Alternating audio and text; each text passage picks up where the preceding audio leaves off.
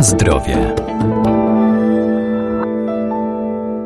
Zioła, czyli rośliny zielarskie dzięki bogatej zawartości wielu cennych składników mają szerokie zastosowanie w medycynie ludowej czy w przemyśle kosmetycznym. Kozłek lekarski działa uspokajająco i rozkurczowo. Aronia wspomaga walkę z przeziębieniami, a także zapobiega chorobom układu sercowo-naczyniowego.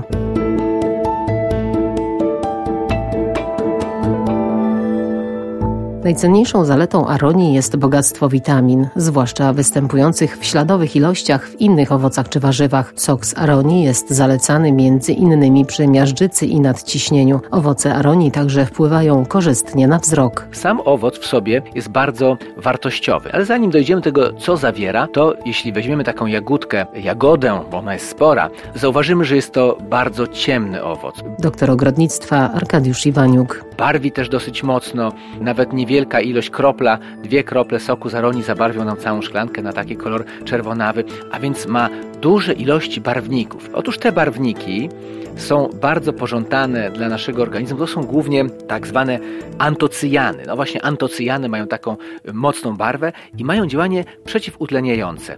A więc można powiedzieć, że pozwalają eliminować z organizmu takie niepotrzebne substancje, wolne rodniki, to co w naszym organizmie zakłóca homeostazę, czyli ten dobrostan. I właśnie te antocyjany, te przeciwutleniające, czy związki o działaniu przeciwutleniającym są dla nas bardzo pożądane. Można powiedzieć, że dzięki temu innymi owoce aronii spożywane w postaci przetworów chronią przed chorobami krążenia, czyli na przykład obniżają ciśnienie krwi, wpływają na wzmocnienie ścian naczyń krwionośnych, no i właśnie oczyszczają organizm z różnego rodzaju toksyn, a także zmniejszają napięcie nerwowe i stres. Także no, takie ogólnie wzmacniające, bardzo pożądane działanie e, owoców aronii. Na zdrowie.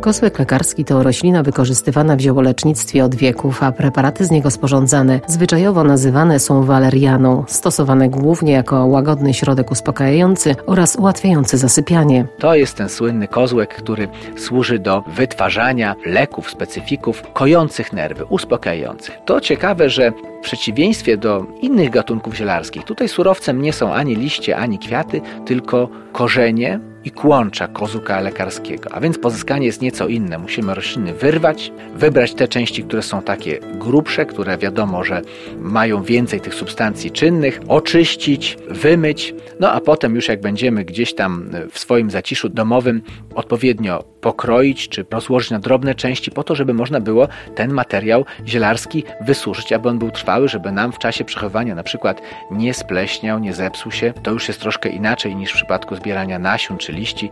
Wymaga bardziej intensywnego suszenia, no i oczywiście odpowiedniego przygotowania. Oprócz olejków eterycznych, różnych alkaloidów, eterów czy garbników i żywic, to najważniejsze są estry kwasu izowalerianowego. Właśnie ten kwas izowalerianowy, kwas walerenowy czy glikozyd waleryt to są substancje, które działają jak łagodny środek uspokajający i ułatwiający zasypianie. To jest jakby główna funkcja lecznicza tego kozłka, właśnie to ułatwienie zasypiania. No, mówi się też, że ma też działanie uspokajające, chociaż to zależy też osobniczo. Można powiedzieć, nie wszyscy reagują podobnie, ale jest część osób, które rzeczywiście reagują w ten sposób, że czują się bardziej uspokojone, jeśli piją taką herbatkę z korzeni czy z kłączy kozłka lekarskiego, ale na pewno już pomaga w łatwiejszym zasypianiu. Czyli jak mamy kłopoty z zasypianiem, to kozłek lekarski tutaj jest najwłaściwszym wyborem.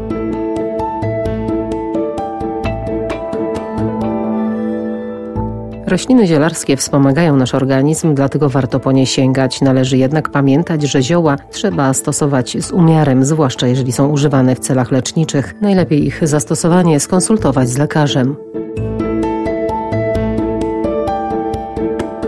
Na zdrowie.